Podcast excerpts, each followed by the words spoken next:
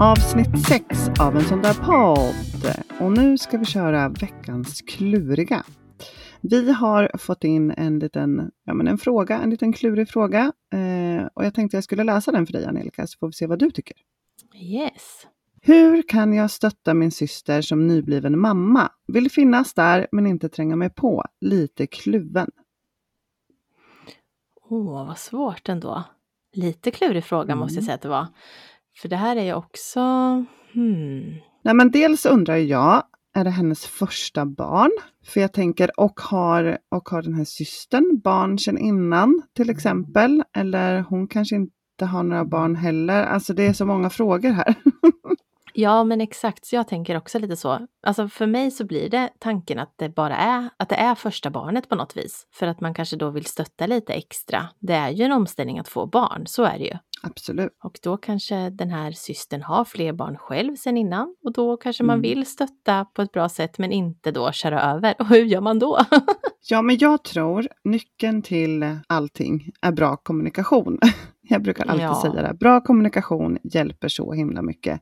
Sen kan man ju tycka att det kanske är lite jobbigt till exempel om man nu har kanske då en, en syrra som verkligen vill vara där. Men egentligen kanske man känner att nej men snälla, jag behöver bara få vara lite i fred. Jag vill landa i det här. Mm. Jag är jätteglad att du finns här. Men att det liksom kan kännas lite tufft att faktiskt säga det. Ja, men precis. Sen tror jag också ibland att det kan bli lite så här missförstånd för att den andra kanske bara vill väl. Eller det är mm. väl så att den personen vill säkert väl, men att det kan uppfattas som ja, påträngande kanske. Eller så kanske man själv har en uppfattning om hur en situation är och kanske inte alls känner som den andra. Förstår du vad jag menar? Ja, men precis. Men jag tänker också att hon kanske upplever hon att systern vill ha hjälp fast hon inte vågar be om det. Eller liksom, det är också lite svårt. För jag tänker om någon av mina systrar skulle fråga mig mm. saker så skulle jag ju svara. Men jag, ja. Hur skulle det vara ifall de, ifall de inte frågar då? Alltså, ta någon av dina syrror nu då och så skulle mm. de få ett barn. Skulle du eh, men, hänga där mycket eh, självmant eller skulle du fråga först eller hur skulle du göra?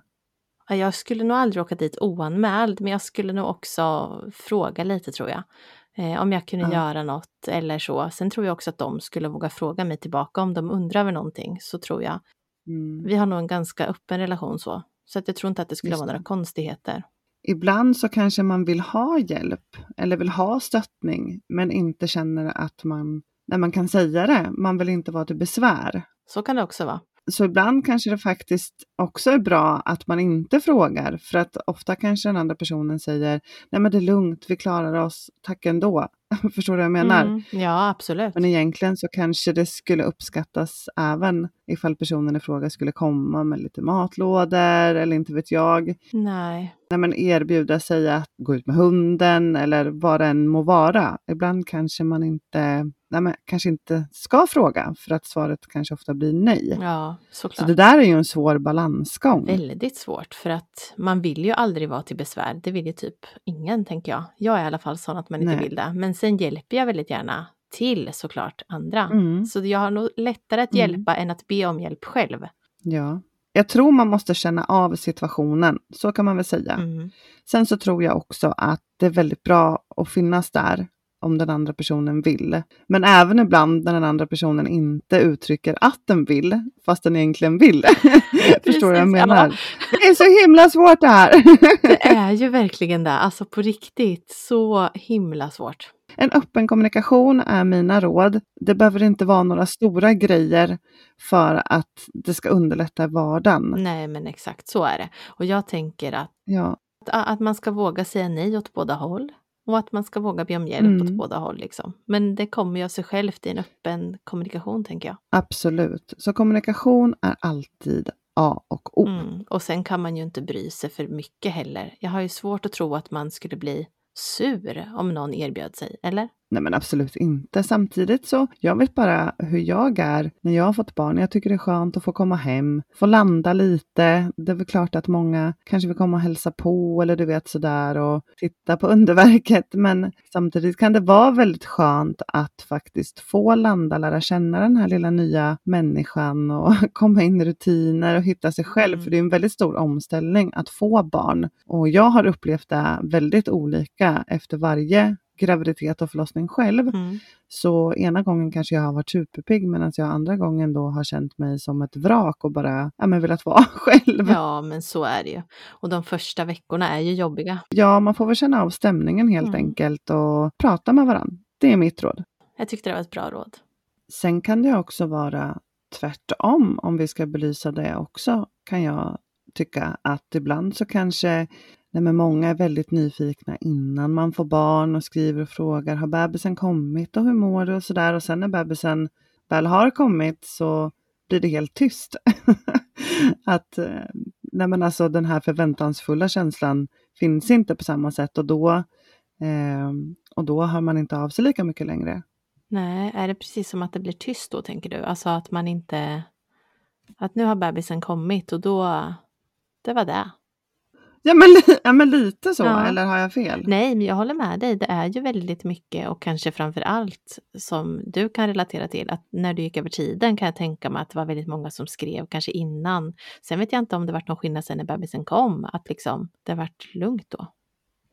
Nej men det är väl klart att när man går över tiden också då, då känns det ju ännu mer, ah, vad ska jag säga, stressat, mm. pressat. Mm. När kommer den? När kommer den? Mm, ja. Precis, ja. Eh, så så då, då blir det väl kanske lite extremt. Men eh, jag vet inte. Det känns ändå som att det blir inte riktigt kanske samma sak i alla fall eh, efter att bebisen har kommit. Hur tycker du? Jo, ja. men jag håller med dig i det. Det är ju verkligen så att det där pirriga försvinner nog kanske lite hos andra med. Samtidigt är man ju så mitt uppe i sin bebisbubbla också när man har fått bebisen. Mm. Eh, det borde ju vara ännu mer angeläget kanske att man vill engagera sig lite till i det här barnet som väl har kommit liksom. Ja, jag håller med dig. Mm, men det är, det är svårt, detta, allt sånt här är svårt.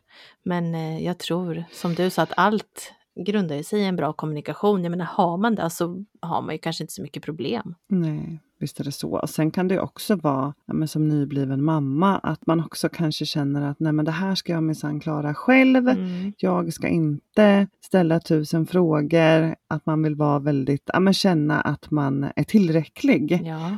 Den, den känslan vet jag att jag hade när jag fick mitt första barn. Nu var jag väldigt, väldigt ung då. Mm. Men jag ville minsann bevisa att jag, nej men att jag kunde det här. och jag ville inte ha några råd och jag, ja, men du vet, väldigt sådär anti. Och idag kan jag känna så här att jag var nog lite fientlig mot de som verkligen ville nej, men kanske pusha, ställa upp, komma med goda råd. För det kändes ofta som att, nej, att de ville, nej, det är bättre du gör så här eller gör så där. Eh, tillrättavisa snarare mm. än ge råd. Och jag tror kanske att det också kan bero på att jag uppfattade det lite fel ibland. Ja men säkert. Jag kan tänka mig att ingen gjorde, sa någonting till dig för att vara elak, men du kanske tog det lite mer just för att du var så ung, tror du inte det? Att då trodde du att... Jo, men lite så, men en del, en del ville också, ska jag säga. Ja, såklart. Faktiskt, det finns ju alltid. Tillrättavisa för att jag var ung, men i mitt fall för att jag hade varit med om det några gånger så fick jag ju liksom en liten fientlig inställning mm. till de som faktiskt brydde sig genuint också. Ja. Så jag tror att man får väl vara lite försiktig när man närmar sig och vill finnas där. Men jag tänker att är det en syster så är det ju ändå familj och ganska när nära anhörig. Mm. Så att jag tror inte att jag, jag tror inte man kan finnas där för mycket ändå. Nej, det tror inte jag heller. Definitivt inte. Är det någon mer som har kanske några sådana här kluriga frågor och vill fråga vad vi tycker om det så går det jättebra att skicka ett DM till våran Instagram. Och våran Instagram heter ensandarpodd.se. Eh, tack för idag Madde, vi ses i nästa avsnitt. Det gör vi. Puss puss! Puss och kram!